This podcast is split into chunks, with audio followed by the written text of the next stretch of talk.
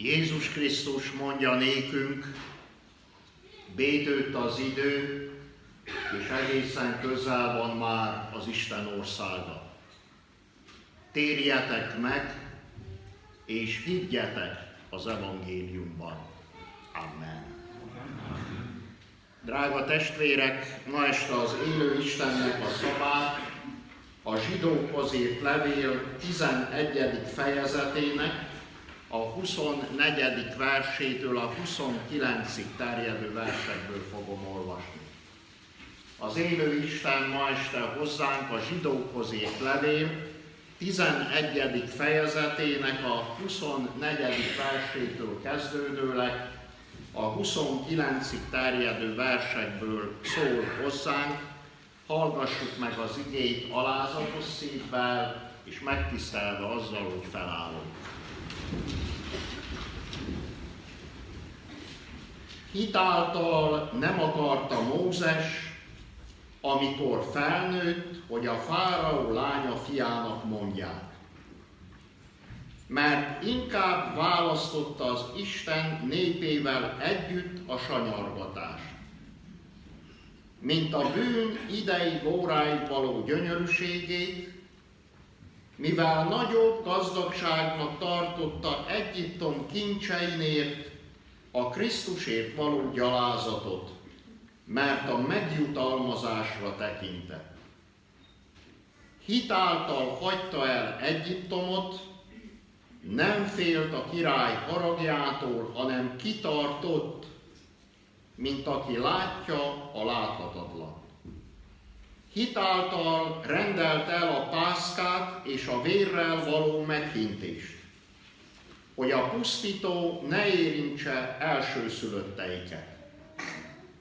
Hitáltal kertek át a vörös tengeren, mint valami szárazföldön, és amikor ezt az egyiptomiak megpróbálták, elmerültek. Még egyszer szeretném testvéreim ebből az igerészből csak a 27. verset felolvasni. Hitáltal hagyta el Egyiptomot. Nem félt a király halagjától, hanem kitartott, mint aki látja a láthatatlan. Amen. Amen. Foglaljunk helyet, drága testvérek.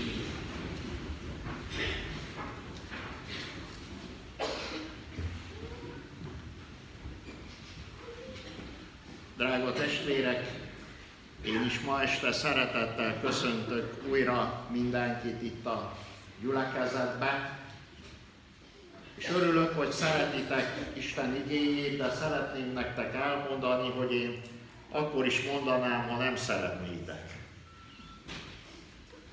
Van egy prédikáció a Bibliában, amit amikor elmondtak, akkor ez a prédikáció legalább 450 lájkot kapott így. És egyetlen egy lájkot kapott így.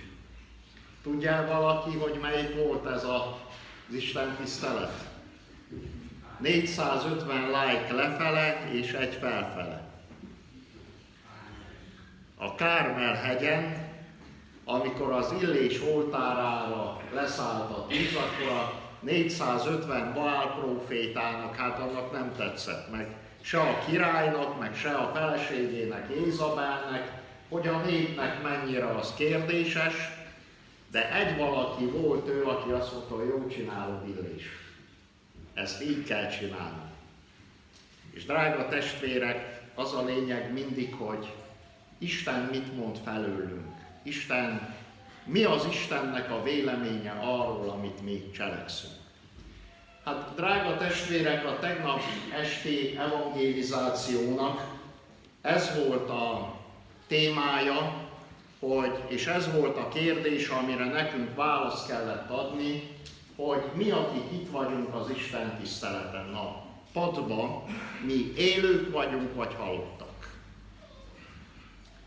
És a tegnap este hallottuk azt, hogy az az élő, akiben él Krisztus, aki befogadta Jézust, akiben ott van Jézus Krisztus, akié a fiú, azé az élet. Aki ezt nem tette meg, az lelki a bűneiben, az élet sincs meg benne. És drága testvéreim, mivel én ezt hirdetem és prédikálom, ezért nagyon sokszor kérdezik meg tőlem, egyházakba, felekezetekbe, különösképpen a kollégáim, hogy Miklós, te honnan tudod, hogy ki élő meg ki halott? Honnan állapítod ezt meg? És hát már annyian kérdezték, hogy beírtam a Bibliám elejére, hogy mondjam meg, hogy honnan. Én az 1 János 3.24-ből tudom ezt. Azt mondja Isten, hogy a lélektől tudjuk meg, akit nekünk adott. A lélek jelenti ki. Vagyis, drága testvérek, ha itt ma a Szilágy Balai Baptista imaházban az én testvéremben lévő lélek bizonságot tesz a bennem lévő lélekkel, hogy mi ketten az Isten gyermekei vagyunk, akkor az Isten szent lelke leszáll fentről, és ráteszi erre a pecsétet. Amen.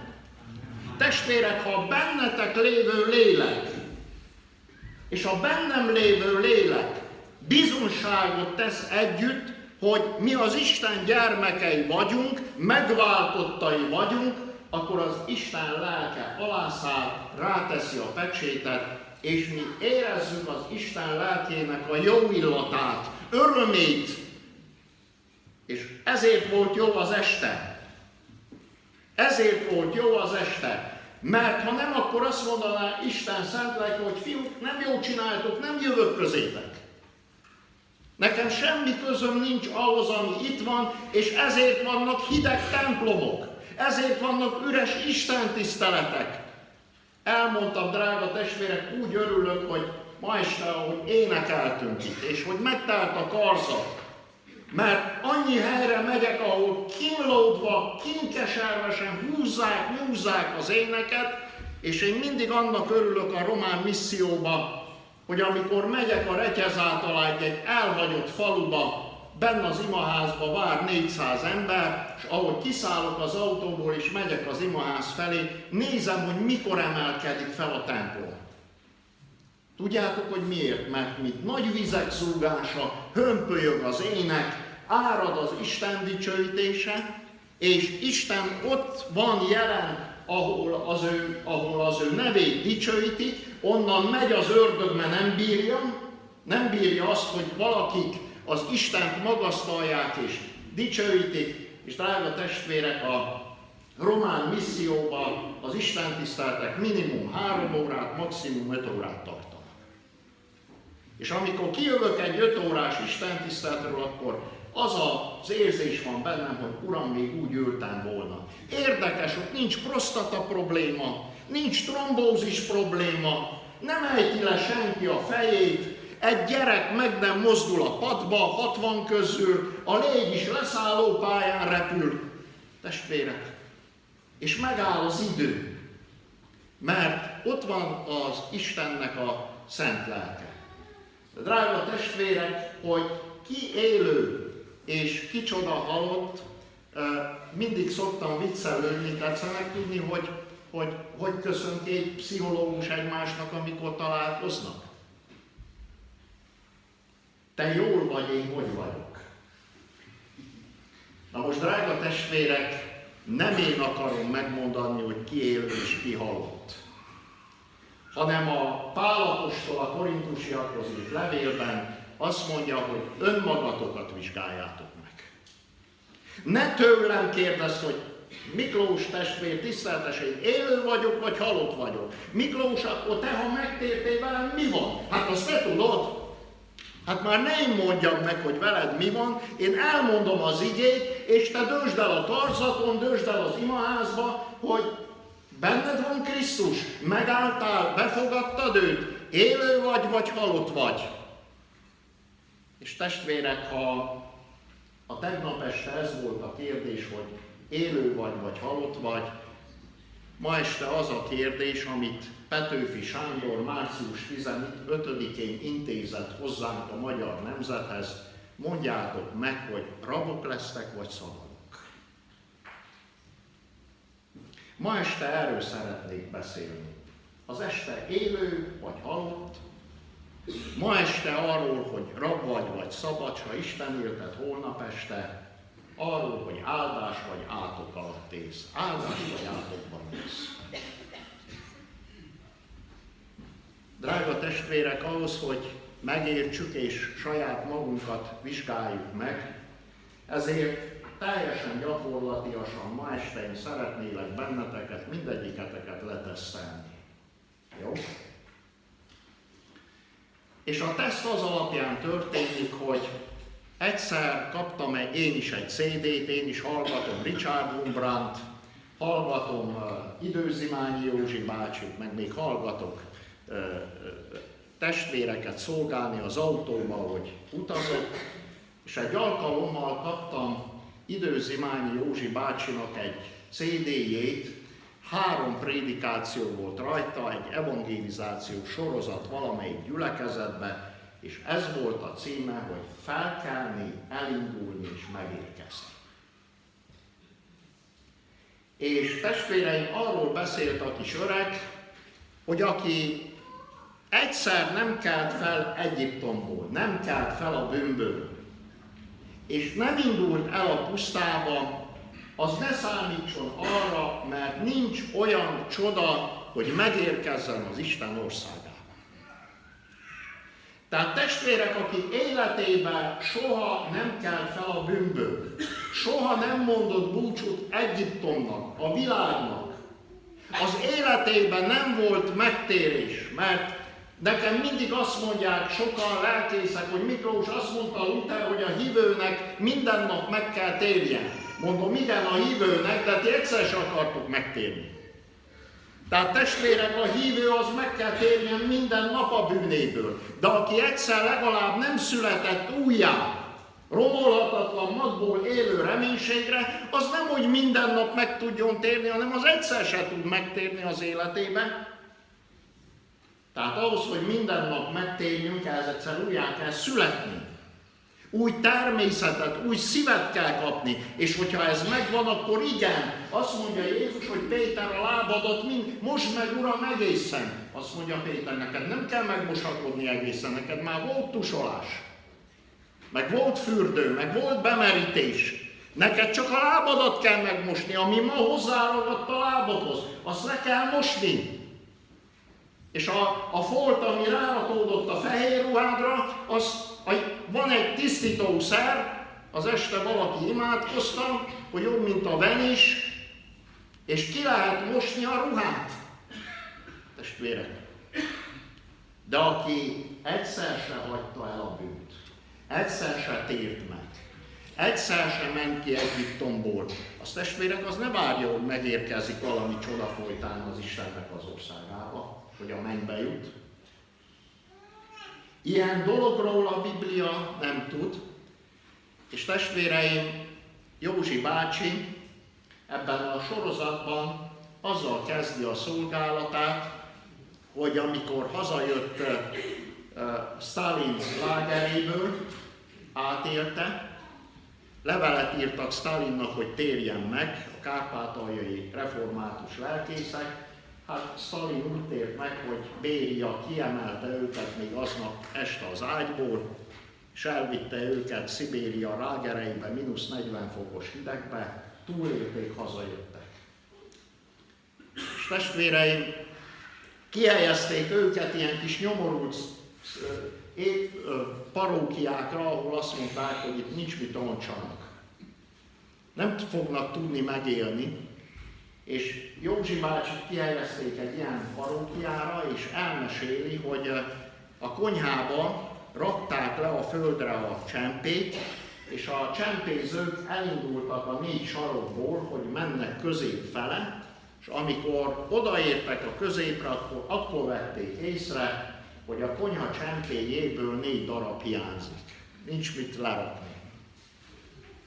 Elmentek az üzletbe, hogy vegyenek, ott már elfogyott.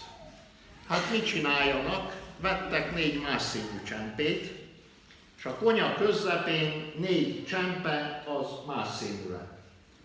És amikor Józsi bácsinak megszületett a kis unokája Tímea, és még nem tudott járni, akkor Józsi bácsi oda tette a gyereket a négy csempére, odaült elébe a székre, kinyújtotta a kezét a kicsi felé, és azt mondta, hogy kicsi, gyere ide tatához, gyere ide.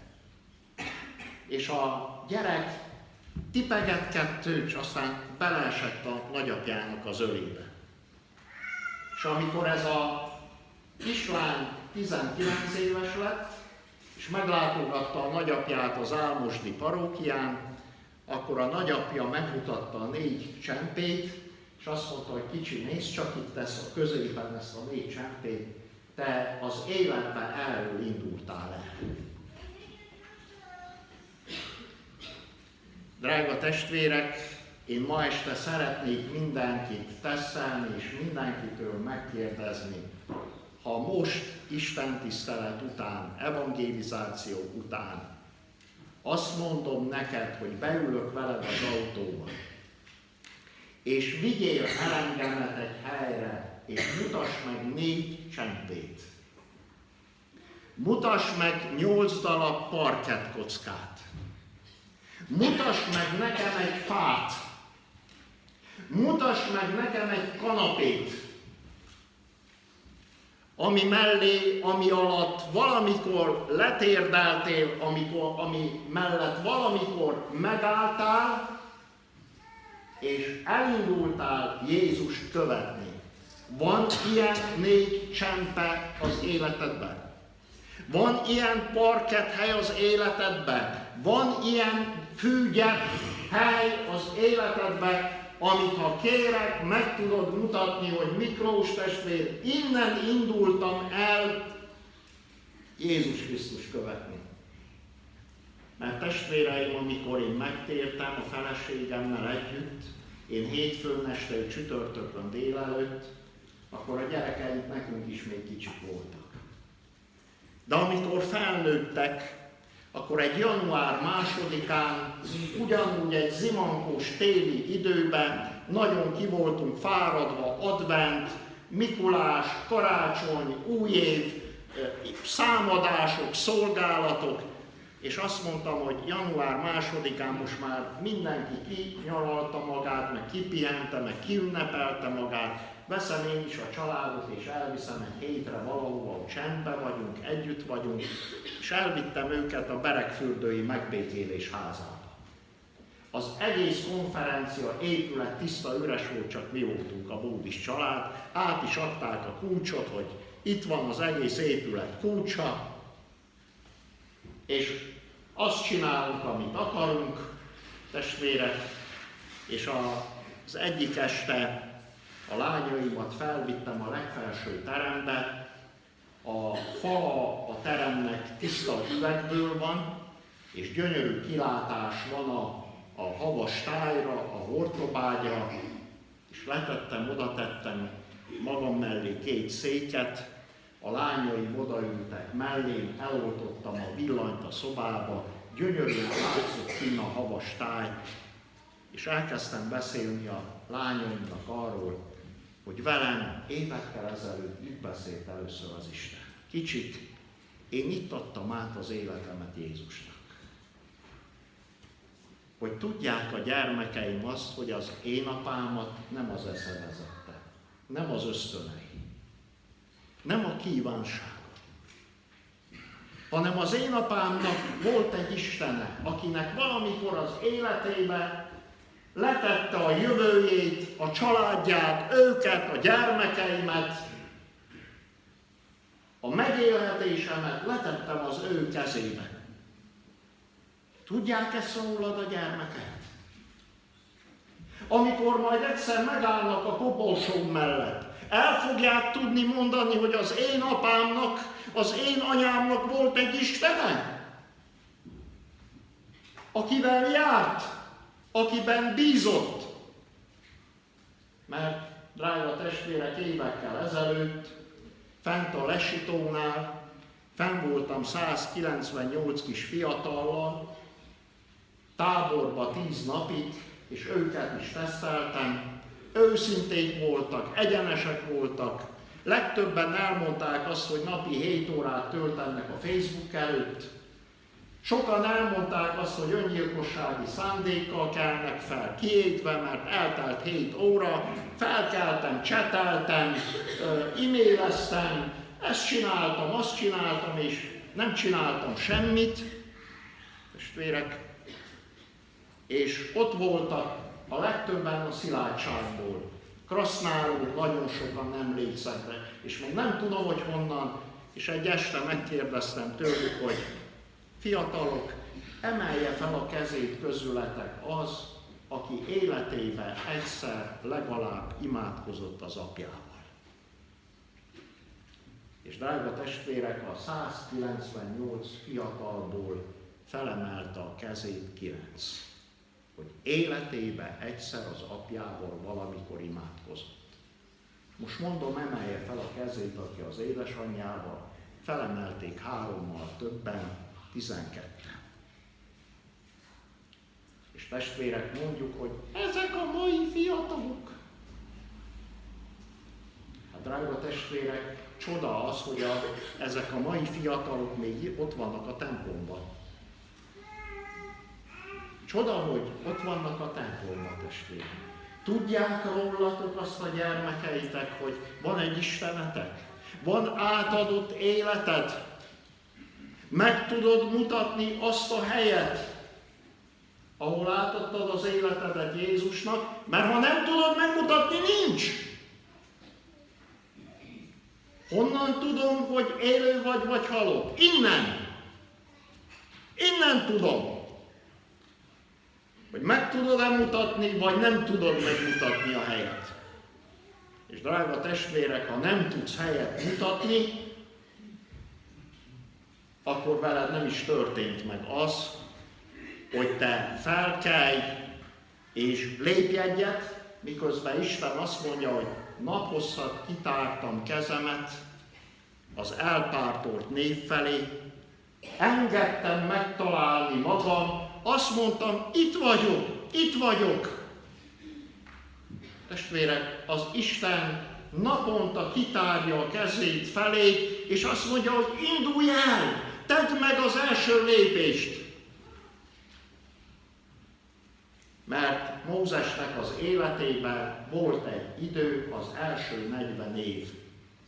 Mózes 40 évig Egyiptomba, a rabságba, a bűnbe élt, és drága testvérek, mindjárt látni fogjuk azt, hogy ebben a rabságban azért Egyiptomban lehet egészen magas funkciót betölteni.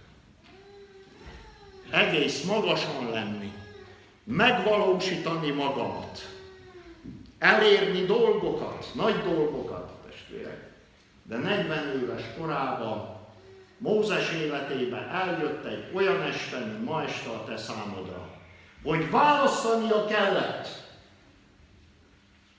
hogy mit fog választani. Vagy azt, hogy a fáraó lánya fiának fogják nevezni, herceg úr, vagy pedig vállalja az Isten népével együtt a sanyargatást, a szenvedést, a gyötrődést, azt, hogy ő egy rabszolga zsidó. És drága testvérek, Mózes döntött, 40 évesen, mondja így, hogy megtért, mert felkelt, és otthagyta Egyiptomot. Ott hagyta a rabságot. Meg fel lehet testvérek kelni, és mindjárt elmondom azt, hogy miért lehet felkelni. Az este azt mondtam, hogy a Bibliában a példázatok mindig azzal kezdődnek Jézusnál, hogy egy apának van két fia. És mondtam, hogy idegesített engem, hogy miért nem négy, miért nem hét. Na hát most egy kicsit korrigálni szeretném magamat. Tévedtem az este mert egy apának mindig három fia van, csak a harmadikról soha nem beszél a példázat, mert a harmadik az meghalt a kereszten. És drága testvérek, a másik két fiú azért jöhet haza, azért mehet haza, a nagyobbik és a kisebbik fiú, a vallásos meg a tróger, mind a kettő, azért térhet meg és mehet haza, mert a harmadik fiú, akiről, aki mondja a történeteket, az meghalt értük a kereszten. És azt mondja az ige, hogy aki hazamegy, ő azt nem szégyelli testvérének nevezni. Nem szégyelli testvérének tartani. Drága testvérek, ma este itt az Isten tisztelten ez a kérdés, hogy te rab vagy, vagy szabad vagy. Amikor Jézus Krisztus a zsidóknak erről beszélt, akkor a zsidók ránéztek értetlenkedve, és azt mondták, hogy miről beszél ez, mi nem voltunk szolgái senkinek. Jézus, te tévedsz, mert mi nem Hágártól, az egyiptomi Hágártól származunk, a szolgálóasszonytól, hanem mi a szabad nőtől Sárának a leszármazottai vagyunk, és mi nem voltunk szolgái senkinek se, bennünket nem tudott megtörni se Antiochus Epiphanes, nem tudott megtörni se Nabukadnecár, nem tudott megtörni se Titus, állt a messzába az utolsó percig, Izraelnek a közepén, mi nem voltunk szolgái senkinek sem. És drága testvérek, Jézus rájuk nézett, és azt mondta, hogy én, én nem erről beszélek, hanem én arról beszélek, hogy aki a bűnt cselekszi, a szolgálja a bűnnek. És mindaddig, amíg a fiú meg nem szabadít titeket, addig rabok vagytok. Addig nem vagytok szabadok. Drága testvérek, én is mindig arról beszélek a magyar nép között, hogy nézzétek meg, hogy nekünk mindig magyaroknak olyan ünnepeink vannak, amikor elvesztettük a csatát. Mohács, 48, Trianon, 56, március 15, október 23, mind olyan ünnepeink vannak, amikor veszítettünk. És mindig arra tanítom a lányaimat, hogy soha ne szégyeljétek azt, hogy magyarok vagytok. Senkitől nem vettetek el semmit, senkinek nincs nálatok semmije, mert nekünk a vesztességeink mindig büszkeséget hoztak. Büszkeséget hoztak, testvérek. És mi is elmondhatjuk, hogy nem tört meg a 150 éves török, nem tört meg, testvérek, a Habsburg, nem törtek meg, nem tört meg az orosz, testvérek, és mondhatná azt ez a nemzet, hogy nem voltunk mi rabjai senkinek sem, és nem vagyunk rabjai. És Jézus azt mondja, hogy nem erről beszélek, hanem arról beszélek, hogy aki a bűnt cselekszi, rabja a bűnnek.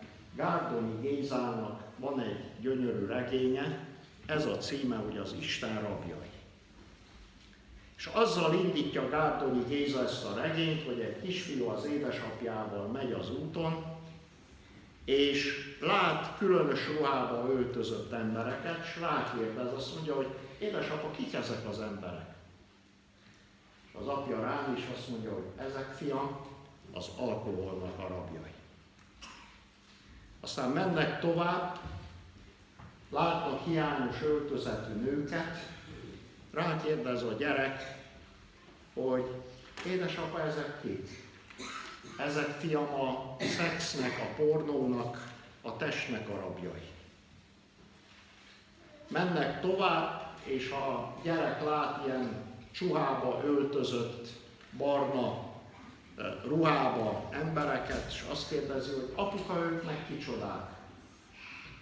Remeték voltak, azt mondja az apja, ők fiaim az Istennek a rabjai. Testvér, te, aki ma este itt vagy, te minek vagy a rabja? Téged mivel kötözött meg az ördög, meg ez a világ? Mert amikor megyek testvérek román gyülekezetekben meghívnak, akkor a hívő testvérek odahívják a templomba az ortodoxokat, nagyon sokat, aztán bejönnek a katolikusok, aztán bejönnek testvérek, görög-keletiek, és amikor meghallják az ige hirdetést, akkor oda jönnek hozzám, barátkozni akarnak, és azt mondják, hogy Miklós tiszteltes, igaz, hogy mindannyiunknak egy Istenünk van? Mondom, hogy persze, hogy igaz, csak a kérdés az, hogy a tiedet minek hívják. Mert az alkoholistának is egy Istene van. Képes odaadni érte a munkahelyét, a feleségét, a gyermekeit, a házát, a békességét, az egészségét, a családját. Nagy Istene van az alkoholistának, testvére. Egy Istene van a drogosnak is. Úgy hívják, hogy heroin. Képes értem megölni az anyját, ha nem ad 2000 forintot, hogy megvegye. Drága testvérek, nagy Istene van a szexnek, a szexiparnak, a pornóiparnak. Van, akinek így hívják az Istenét. És drága testvérek, van, akinek már sárga teljesen az úja, köpi ki a tüdőjét, vágják le a két lábát tövik, láttam ilyen embert, úgy 20 centiként felfele mentek, és ahány cukorbeteg volt, ahányszor levágtak egy darabot a lábából, mindig le kellett kötni, mert ki akart ugrani kinyából a kinyába az ablakon, és az orvos csak ennyit mondott, hogy ember, hagyd abba a szivarozást. De drága testvérek, nagy Isten a nikotin. Nagy Isten a nikotin. És drága testvérek, ott van az ember, hogy azt mondja, hogy én nem vagyok szolgája senkinek, de közben rab.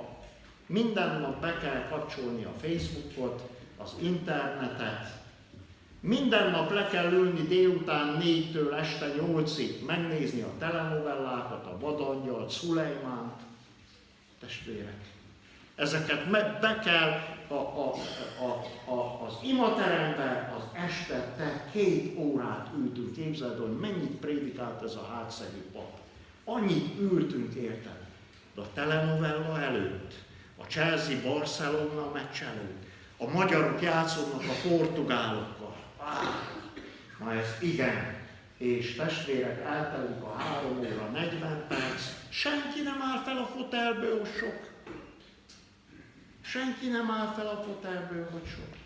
Testvérek, tudjátok, hogy miért? Mert ahol van a kincsed, ott van a szíved. Ahol van a kincsed, ott van a szíved. Ha ott van a kincsed, ha itt van a kincsed, akkor benne van az egész szíved. És semmi nem sok azótól.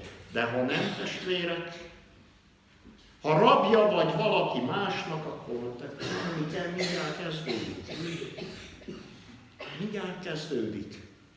És testvérek, meg vagyunk kötözve, és rabok vagyunk, és mindaddig, ameddig a fiú ebből meg nem szabadítja az embert, Jézus Krisztus, addig rab is maradsz.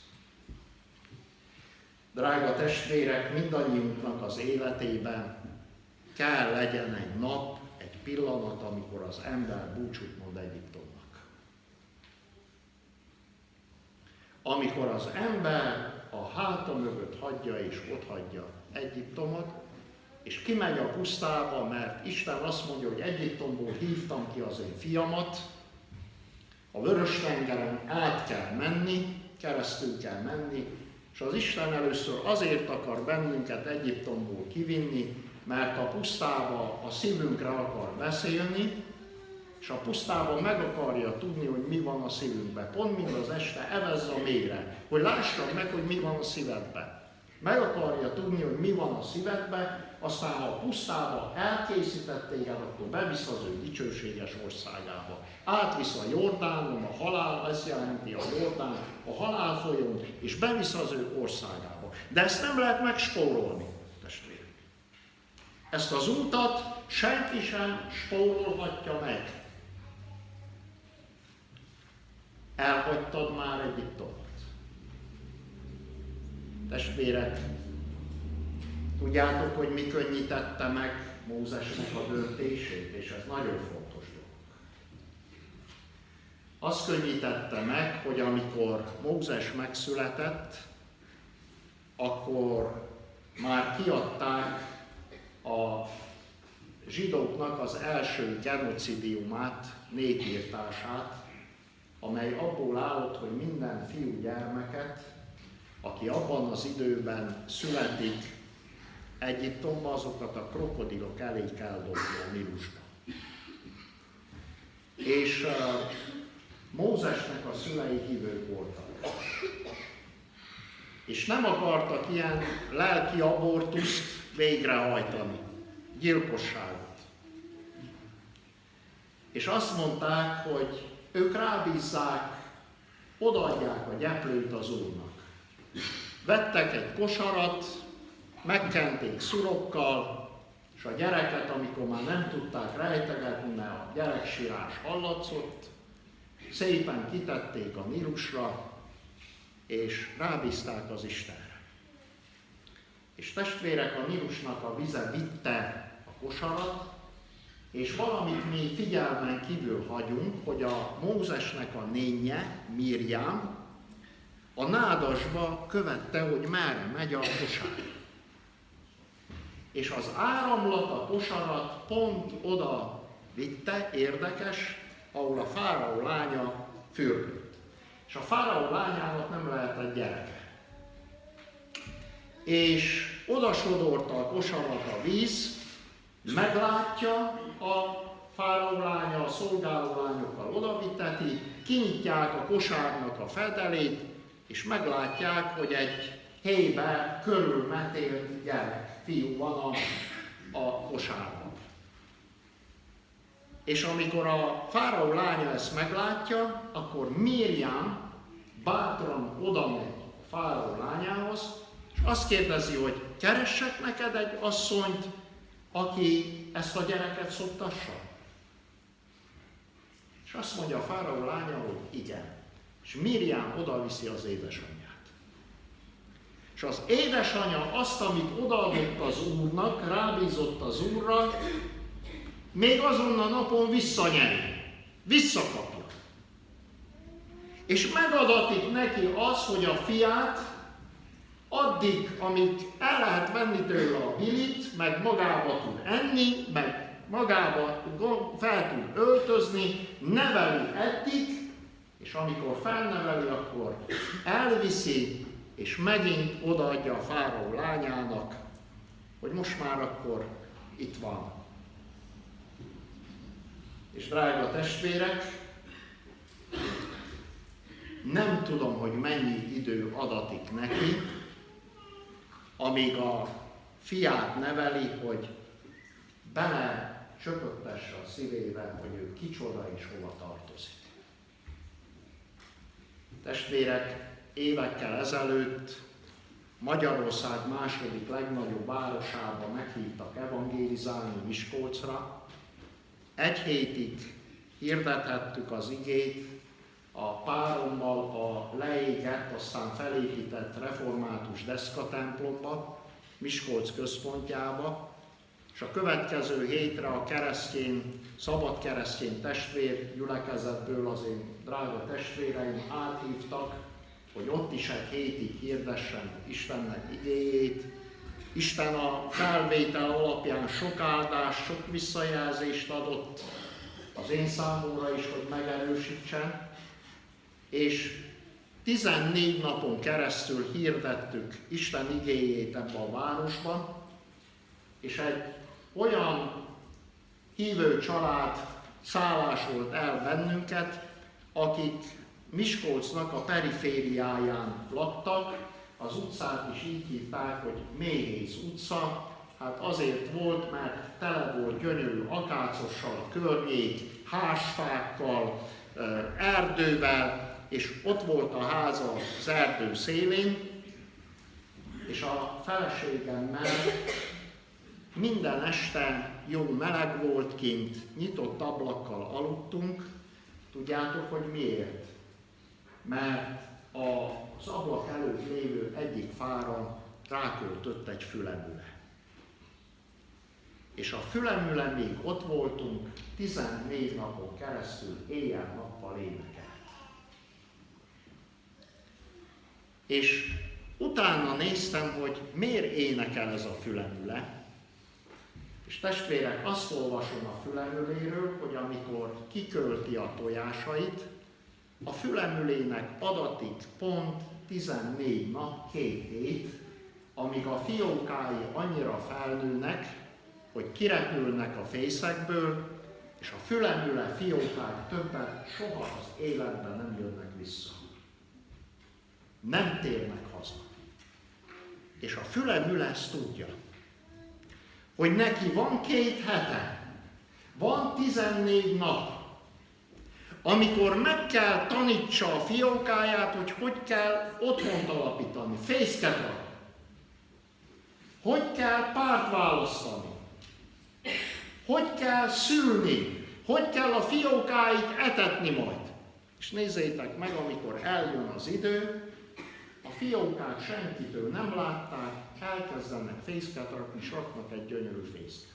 Elindulnak párt választani, és érdekes, a hímfióka még véletlenül se választ hímpárt magának. És érdekes az, hogy tudja, hogy hogy kell párosodni, tudja, hogy kit kell választani, tudja, hogy szülni kell, tudja, hogy fel kell nevelni a fiókákat, és testvérek tudja azt, hogy neki is eltelik a 14 nap, és a fiókák el fognak repülni. Honnan tudja? Tudjátok, hogy honnan? Hogy a fülemüle két héten keresztül éjjel és nappal énekel. Beleénekli a gyermekeinek, a fiókáinak a szívébe, hogy hogy kell csinálni. Hogy hogy kell csinálni. Drága édesapák, édesanyák, nagymamák, nagyapák, ma este megkérdezem tőletek, mit énekeltetek bele a gyermekeitek szívébe? Mit énekeltél bele a fiadnak, meg a lányodnak a szívébe? Ha ma este megkérdezném a gyermekedet, hogy emeld fel a kezed, imádkoztál az apáddal egyszer, mit mondanak?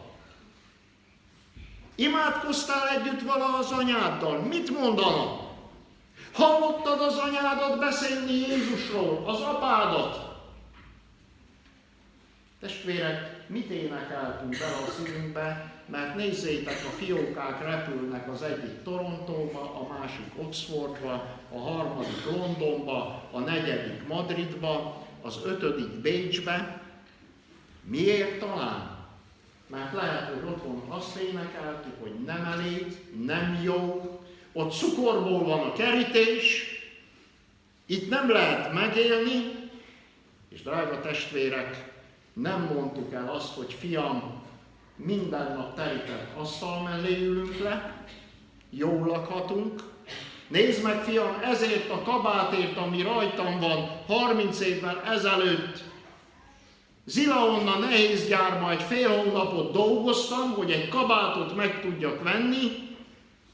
Testvérek, ma meg bálástól vesszük a ruhát tíz leér, és én Zilaon voltam katonatestvérek, és emlékszek a kiflinek, amit vettem katonaként, hogy hogy örültem a cukrászdából, ma bemegyek ugyanabba a cukrászdába, és 25 pékáról ilyen magos, olyan szézámmag, ilyen színű, csokis, gemes, nutellás, nem tudom én, és ugyanez van a kenyérrel, válogatunk, ez fehér, ez barnán, ez sötét, testvérek. És nem mondtuk el a mai fiataloknak, pedig el kellene mondani, hogy ilyen életünk, mint van most.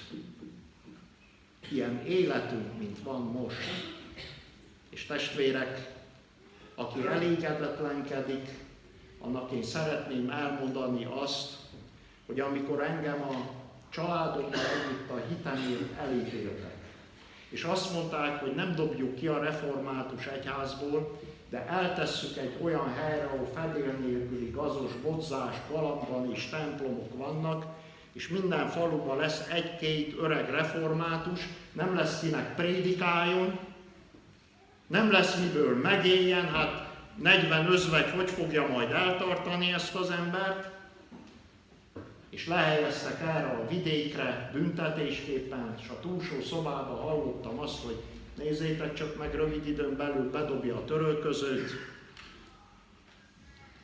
és testvérek, hallottam azt, hogy tegyük oda erre a helyre, mert úgyis éjjel fog halni a családja.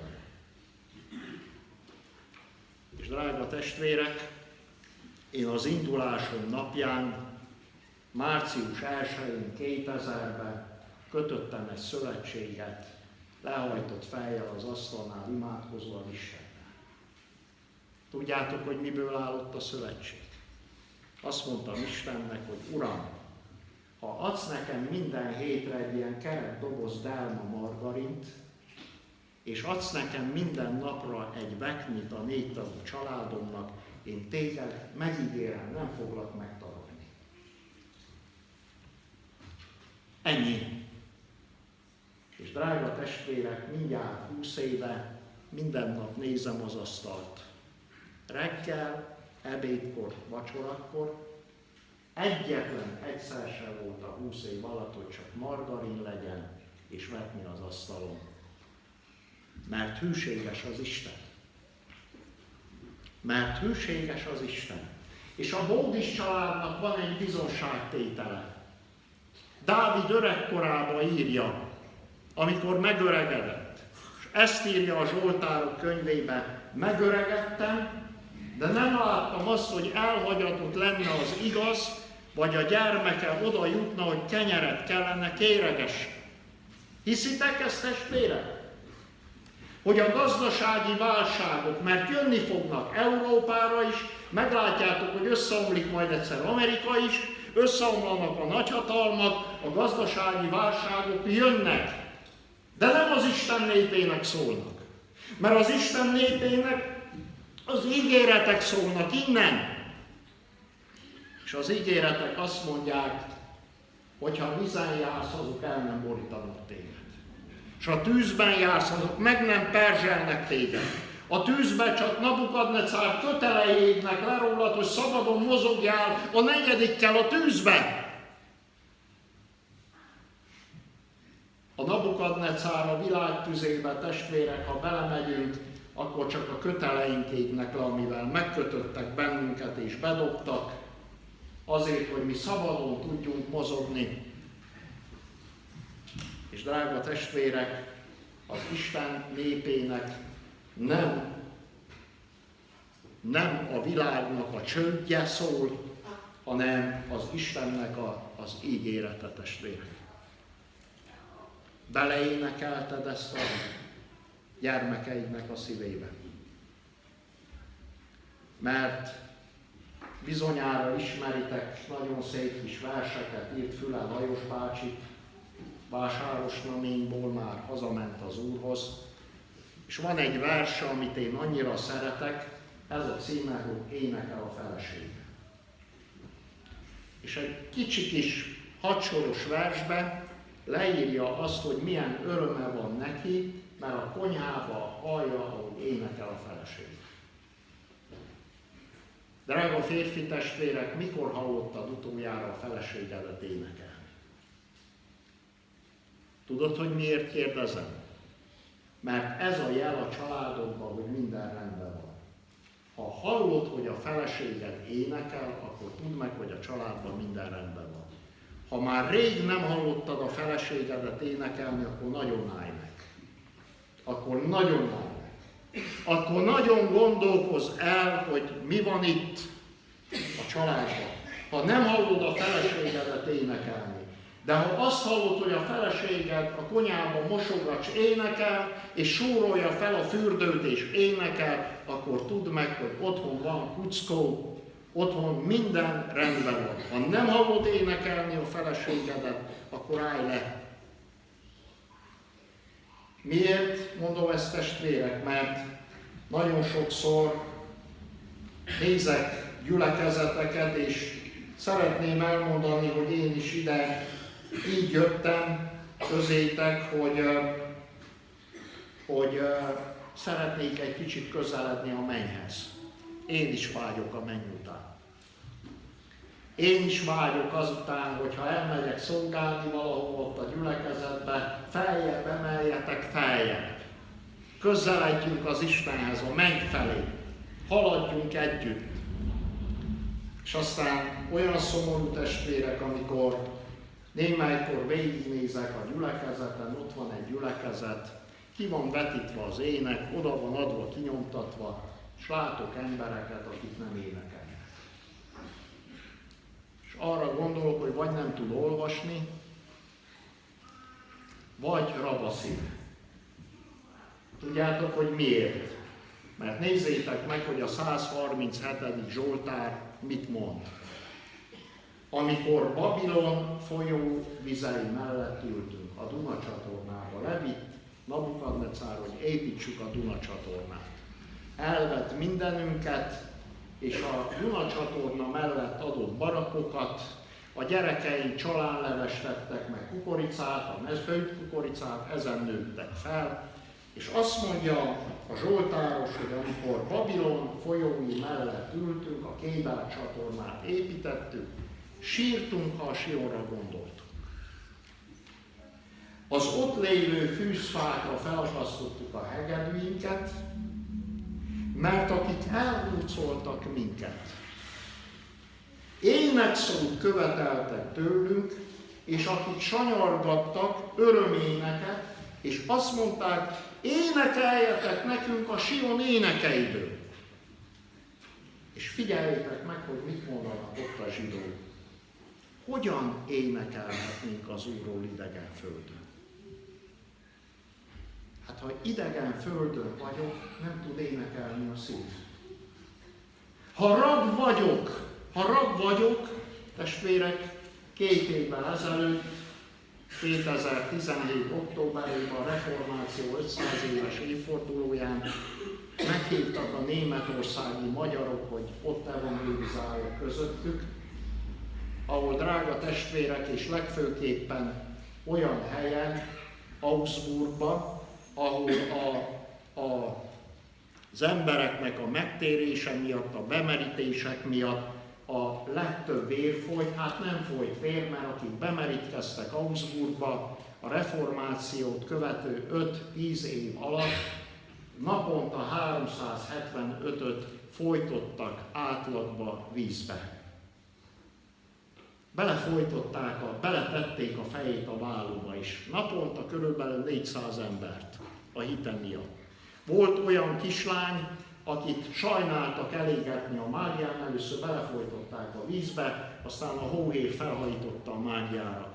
Tehát erre a helyre hívtak reformációt ünnepelni.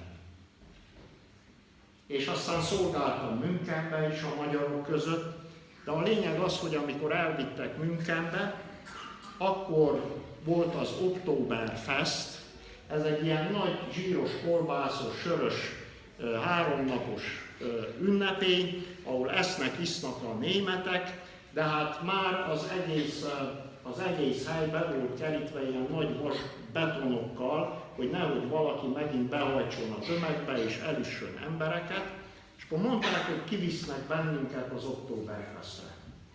És mondom nekik, hogy testvérek, engem ne az Oktoberfestre vigyetek, engem nem érdekel, hanem 7 kilométerre Münkentől itt van a Dachau-i koncentrációs tábor.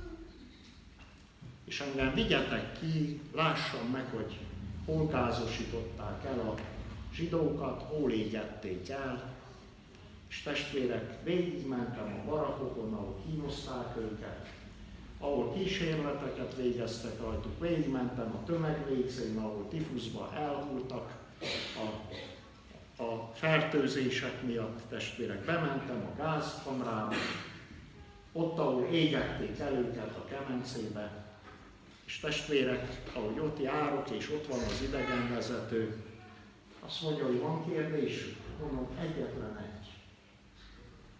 Tudnak ezen a helyen egy valakiről, aki úgy ment be a gázkamrába, hogy énekelt? azt mondja nekem, hogy tiszteltes, így senki nem énekelt. Itt még az Istennel se tudtak perelni, mert egyszer azt kiáltották, hogy a vére neki Rajtunk meg a gyermekeinken. Az ő véréért fizetünk mi, és nem elég a nyomorultaknak, hogy azt mondták, hogy én, hanem azt mondták, hogy a gyermekeink is fizessenek a véréért. És drága testvérek, a mai napig még meg nem térnek, és ennek, akit megfeszítettek a vére, le nem mossa. Le nem mossa az átkott testvérek vére rajtuk, és a gyermekeinken, és drága testvérek, nem tudnak én, úgy kell meghalni, hogy nem énekel senki. Nézzétek meg azért, amikor Husz János Csehországba vitték a mágiára, láttam a filmet, amely bemutatta, és ezt írja a történelem, hogy ment emberi erőtlenséggel, tudta, hogy néhány perc múlva elégetik, és ment a mágiára, és nem tudott más mondani, csak énekelt, Uram, könyörülj rajta, Uram, könyörülj rajta, Uram, könyörülj rajtam. De énekelt! És énekelve ment fel a mágiára, hogy elégjen testvér. De idegen földön hogyan énekelhetne a szív? Hogyan énekelhetne, ha rab? És nézzétek meg, testvérek, hogy mit mond a 126. Zsoltár, Zaránok amikor jóra fordította Sion sorsát az Úr, olyanok voltunk, mint az álmodók. Akkor megtelt a szánk nevetéssel, és örömkiáltás volt a nyelvünkön. Ezt mondták akkor a népek, hatalmas dolgot tett ezekkel az Úr. Fordíts jóra sorsunkat, Uram, a délvidéki kiszáradt patakokhoz hasonlóan, akik könnyezve vetettek, újongással arassanak, aki sírva indult, hogy vetőmagját vigye, újongva érkezzen vissza. Amikor hazahozta Sion fogjait az Úr, akkor olyanok voltunk, mint az álmodók. Megtelt a szánk nevetéssel, énekkel. És azt mondták a népek, akik látták, nagy dolgot cselekedett ezekkel az Isten.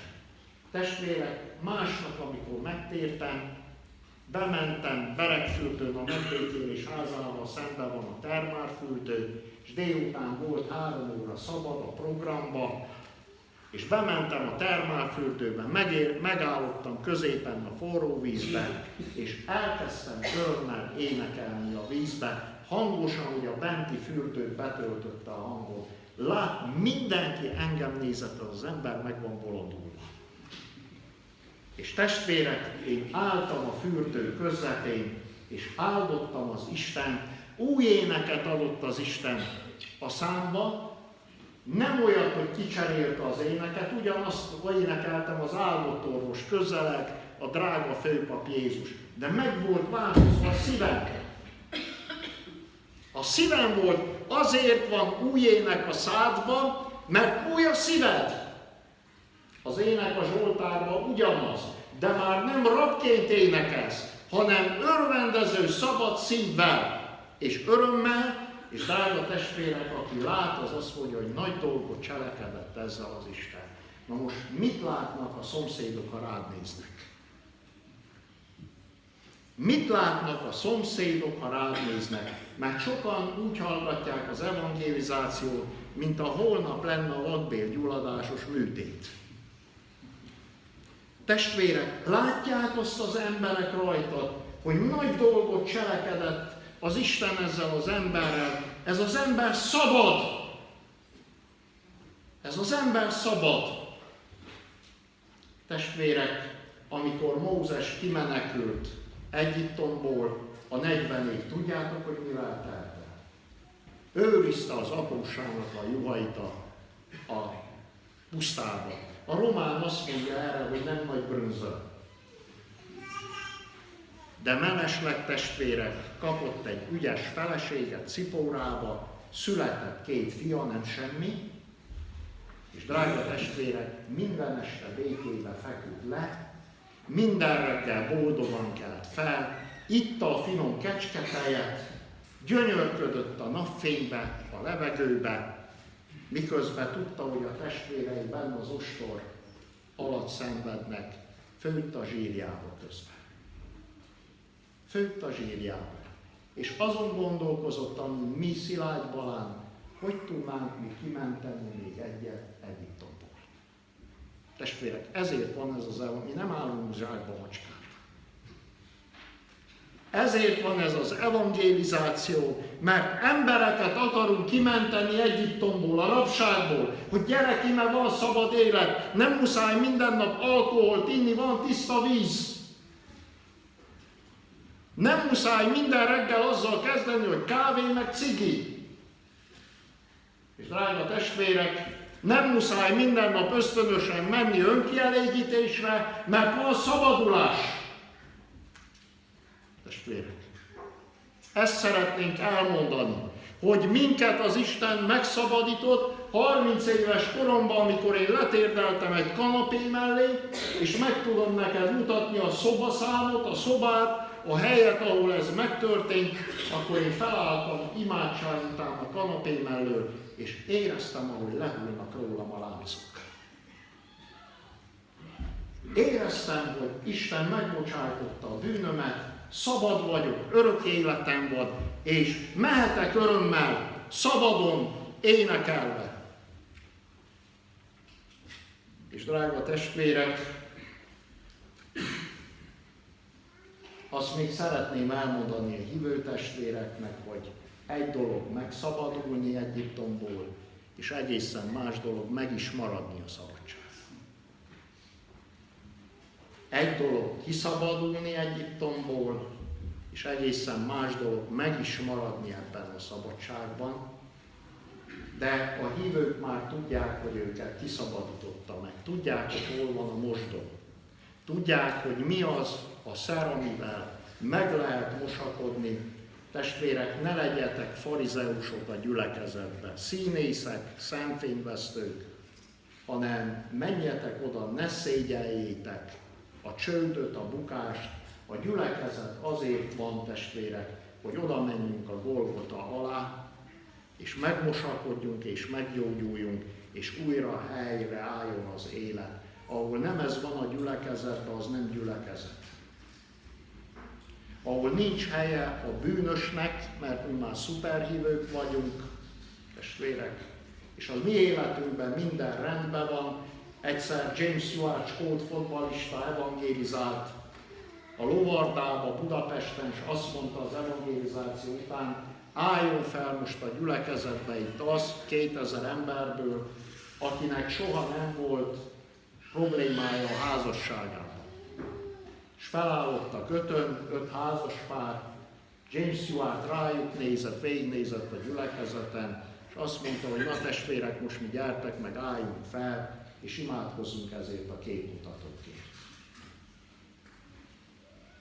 Testvérek, én ma elmondtam a testvéreknek, hogy hogy lehet jó házas életünk.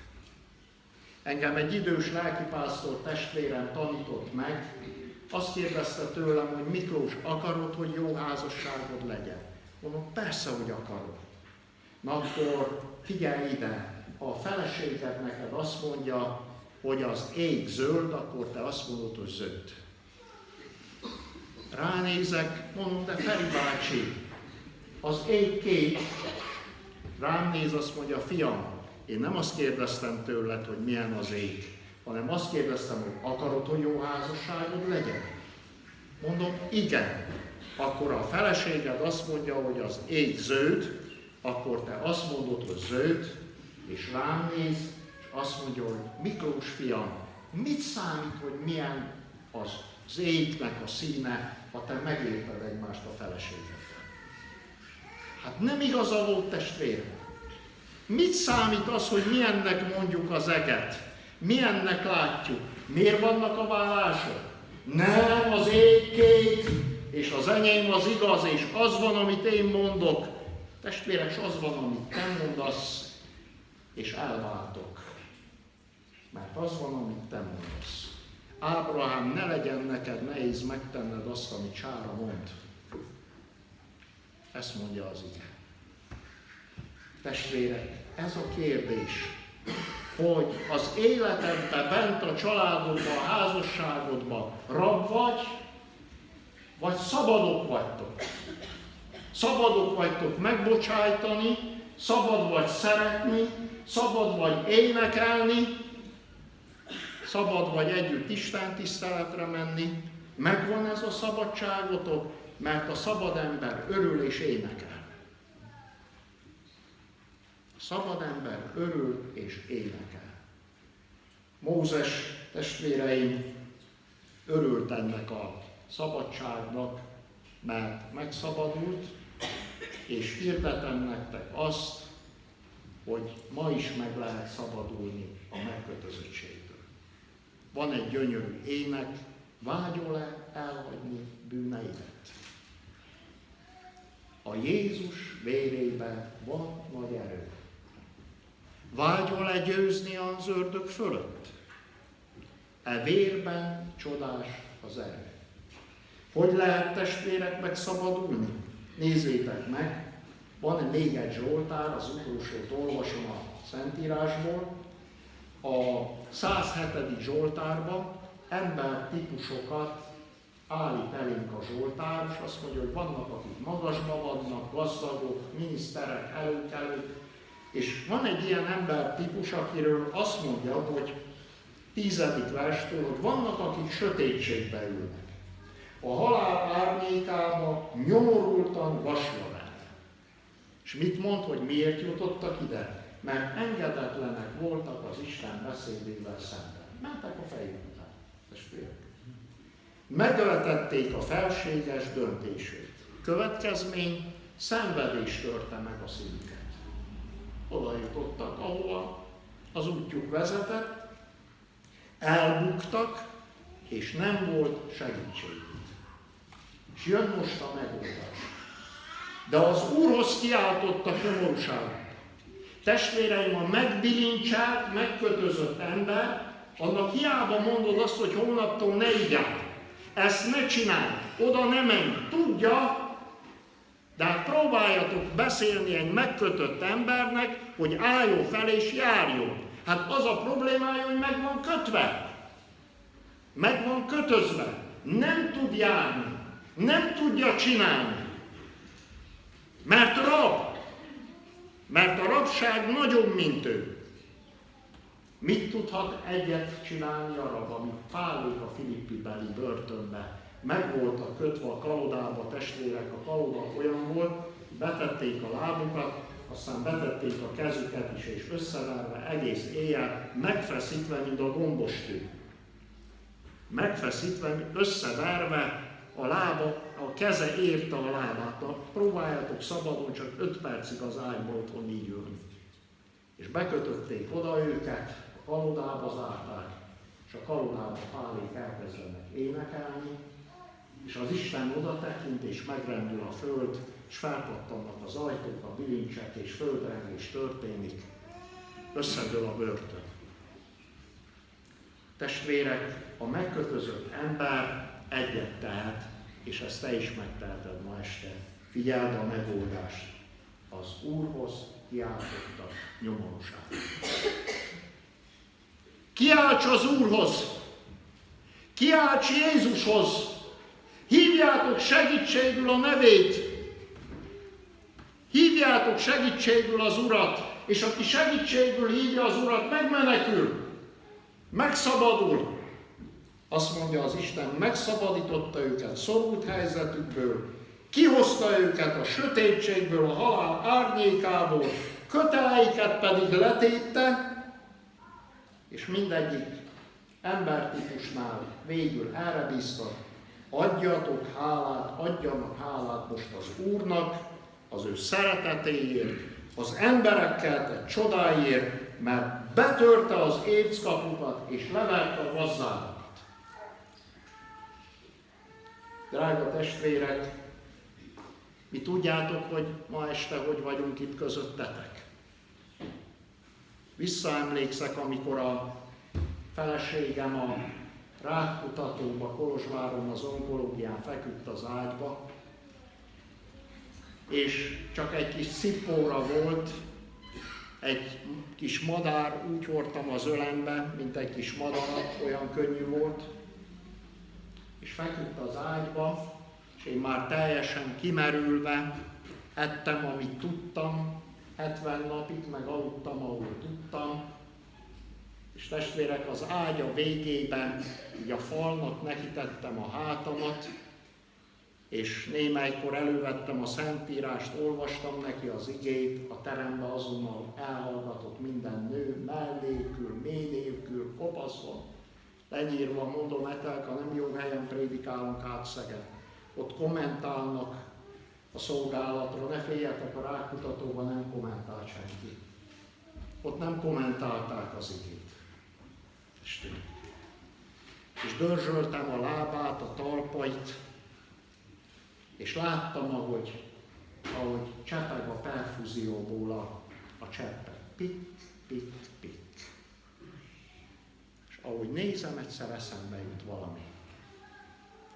Megy egy valaki a Jézushoz, és azt mondja Jézusnak, hogy Uram, beteg a lány, baj van a családban. Beteg a lány, otthon fekszik betegen.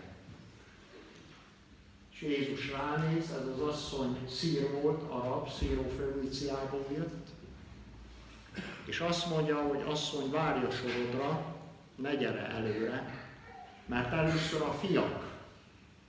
Én a Izrael házához jöttem először. És ha majd ők rendben lesznek, akkor jönnek a pogányok. Nem jó elvenni a fiak asztaláról a kenyeret, és odaadni a kutyáknak asszony kétségbe esve ránéz, azt mondja, hogy igazad van Jézus, nem jó elvenni, senki nem veszi el a fiattól a kenyeret, hogy a kutyáknak adjon először, a fiatnak szüksége van, de Uram, néha-néha egy-egy mózsa leesik a fiak asztaláról, és a kutyák oda mennek és felnyolják a mózsát. Uram, én ebből a mózsából kérek egy darabot. Csak egy kis mózsát kérek az asztalról, ami, ami, ami a fiak asztaláról leesik. És Jézus ránéz, és azt mondja, ó asszony, nagy a te hited, menj el haza, és legyen neked a hited szerint. És az asszony, mire hazaér, a lányát ott találja, meggyógyulva az ágyon. Megérte az alázott testvérek?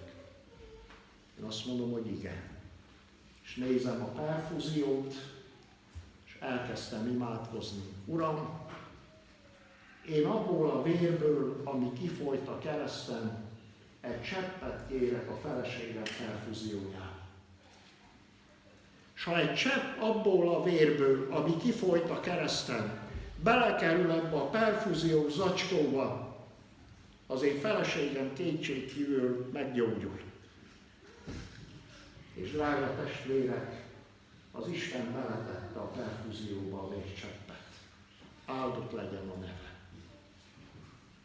Drága testvér, meg akar szabadulni Egyiptomból, a rabságodból, a fogságodból, mert szöges dróttal körbe vagy kötve. Egyetlen egy cseppér a Golgotáról. Ha lecsepeg ma este, és ráhull a bilincsedre, ráhull a köteleidre, ráhull arra, ami rabságba tart, kétségkívül ma este szabadon mész el innen, erről a helyről. Nem akarsz megszabadulni, szabadon, boldogan járni ebbe az életbe, amennyi még hátra van. És egyszer majd elérkezni, megérkezni az ígéret földjére a célhoz.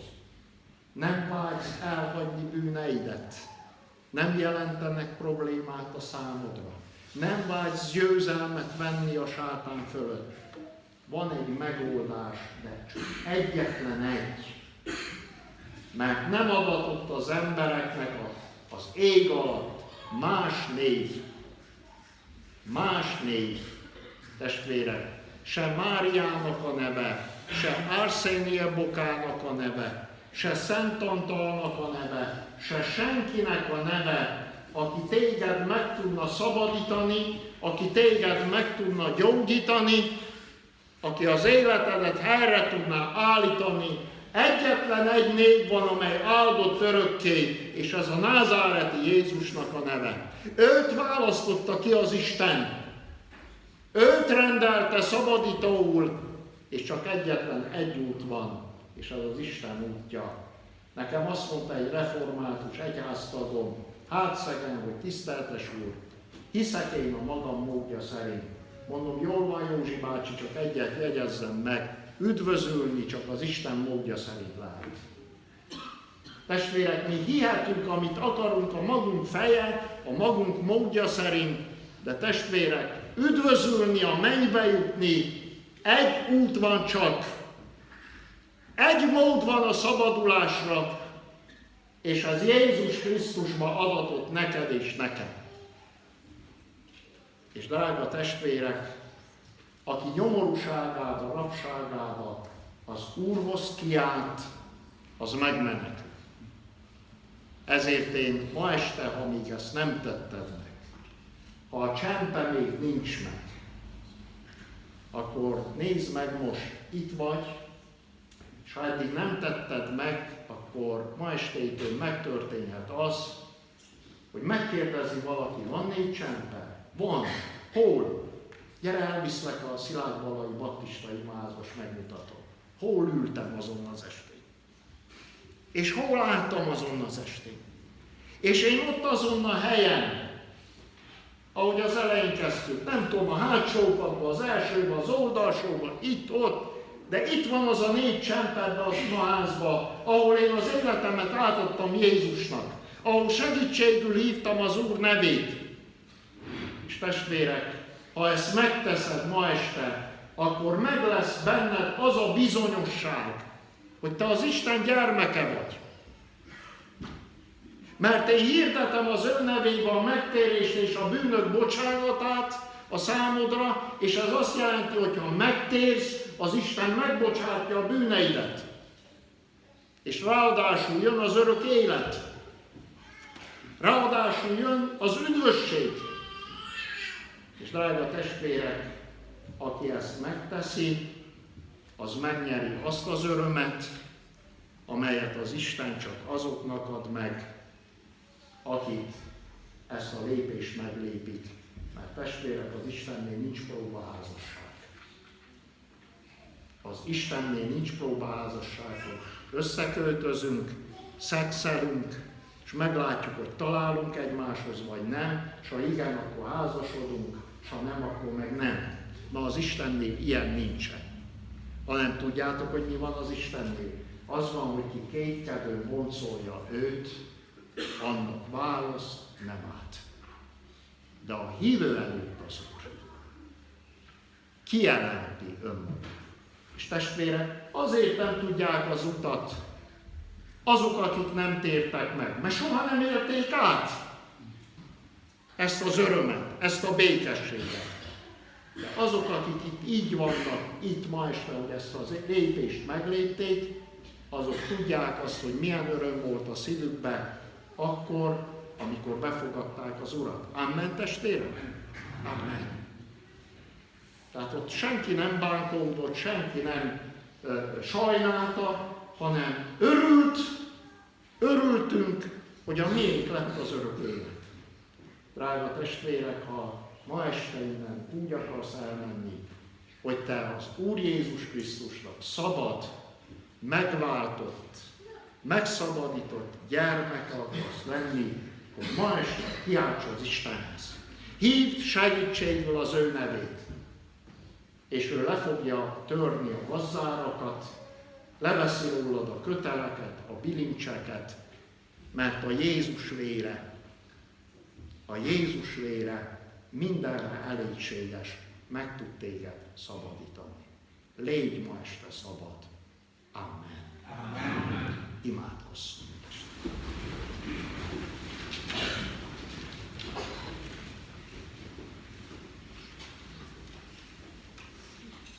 Drága Úr Jézus Krisztus, ma este azért adunk hálát neked, hogy a Golgotán halhatatlan és számunkra elképzelhetetlen mélységbe szálltál alá. És ezt azért cselekedted, hogy a legmélyebben lévő embert is, a legmegkötözöttebbet is, a legelvetemültebbet is, és azt, aki a rabságába már a halál árnyékának a völgyében vergődik és nyög, és nem lát más kiutat, csak az öngyilkosság, a halál, és értelmetlen az élete, hogy megváltsad. Úr Jézus, magasztalunk a Te drága áldozatodért. És tudjuk és hisszük, hogy ebben van a mi szabadulásunknak az ára. És áldunk Téged a Te drága véredért. Uram, hisszük azt, hogy ez az, ami el tudja törölni egyedül a mi bűneinket. Uram, magasztalunk Téged a sebeidért.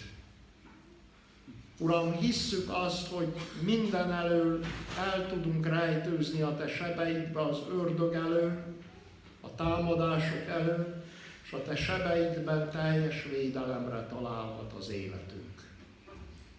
Köszönjük, hogy betakarsz bennünket. És arra kérünk, drága Úrunk, hogy azokat a kezeket, amiket a Golgotán átszegeztek rozsdás szegek, azokat úgy, ahogy kitártad a halálod előtt a kereszten, úgy tárt ki ma is minden elveszett felé itt az imaterembe. És mondd ma este, Uram, hogy itt vagyok, itt vagyok. Engedd, Uram, ma este megtalálni a bűnösnek a Te kegyelmedet, hogy ott, ahol áll, azon a csempén, Uram, imádságban, a szívével, a gondolataival elinduljon feléd, megtegye a lépést, és belessen a te karjaidba, hogy ott békességre leljen. Urunk, könyörülj rajtunk ott, ahol állunk most. Könyörülj rajtunk, hogy kiáltani tudjon hozzád ma este minden lélek itt az imaházban. És Uram, akik vergődnek, kínlódnak, mert az ördög becsapta őket, átverte, tönkretette az életüket, a házasságukat, a családjukat, és a, otthon a házba, a fülemülének a fészkébe már nincs énekszó, csak jajgatás, gyötrődés, várgődés. Uram, könyörülj rajtunk, hogy kiáltani tudjunk hozzád. Mert egyedül Te vagy az, aki helyre tudod tenni az életünket, aki, Uram, bennünket meg tudsz váltani, és Te vagy az, aki az elromlott dolgokat is helyre tudod hozni. Behívunk Téged ma este a szívünkbe behívunk az életünkbe, kérünk, hogy fogadj el bennünket, fogd meg a kezünket, és vezess, Uram, végig az úton, hogy elhagyhassuk Egyiptont, a bűnt, az, é- az elrontott életünket, a világot, és Uram, hadd tartsuk Egyiptom minden kincsénél, kéjénél, öröménél, pillanatnyi kielégítésénél nagyobb kincsnek a te népeddel való testvéri közösséget, együtthaladást, együtt szenvedést, mint a bűn ideig óráig való gyönyörűségét. Uram, add, hogy ma este te legyél a kincsünk, hogy téged megnyerjünk, az örök életet, a békességet, az örömet, hogy neked adjuk a hálát és a dicsőséget, most és mindörökké. Amen. Amen. Mi, Atyánk, aki a mennyekben vagy, szenteltessék meg a Te neved. Jöjjön el a Te országod, legyen meg a Te akaratod, amint a mennyben, úgy a földön is. Minden napi kenyerünket add meg nékünk ma, és bocsáss meg védkeinket, miképpen mi is megbocsátunk az ellenünk védkezőknek. És ne vigy minket kísértésbe, de szabadíts meg a gonosztól, mert tied az ország, a hatalom és a dicsőség mind örökké. Amen. Én bizonságul hívom ma este ellened az eget és a földet. Hogy én ma este is az életet és a halált adtam néked előtte, az áldást és az átkot. Válasszátok az életet. Válaszd az életet, hogy élhess mint te, mind a ti utódaitok, gyermekeitek, mind örökké. Amen. Amen. Foglaljunk helyet, drága testvérek.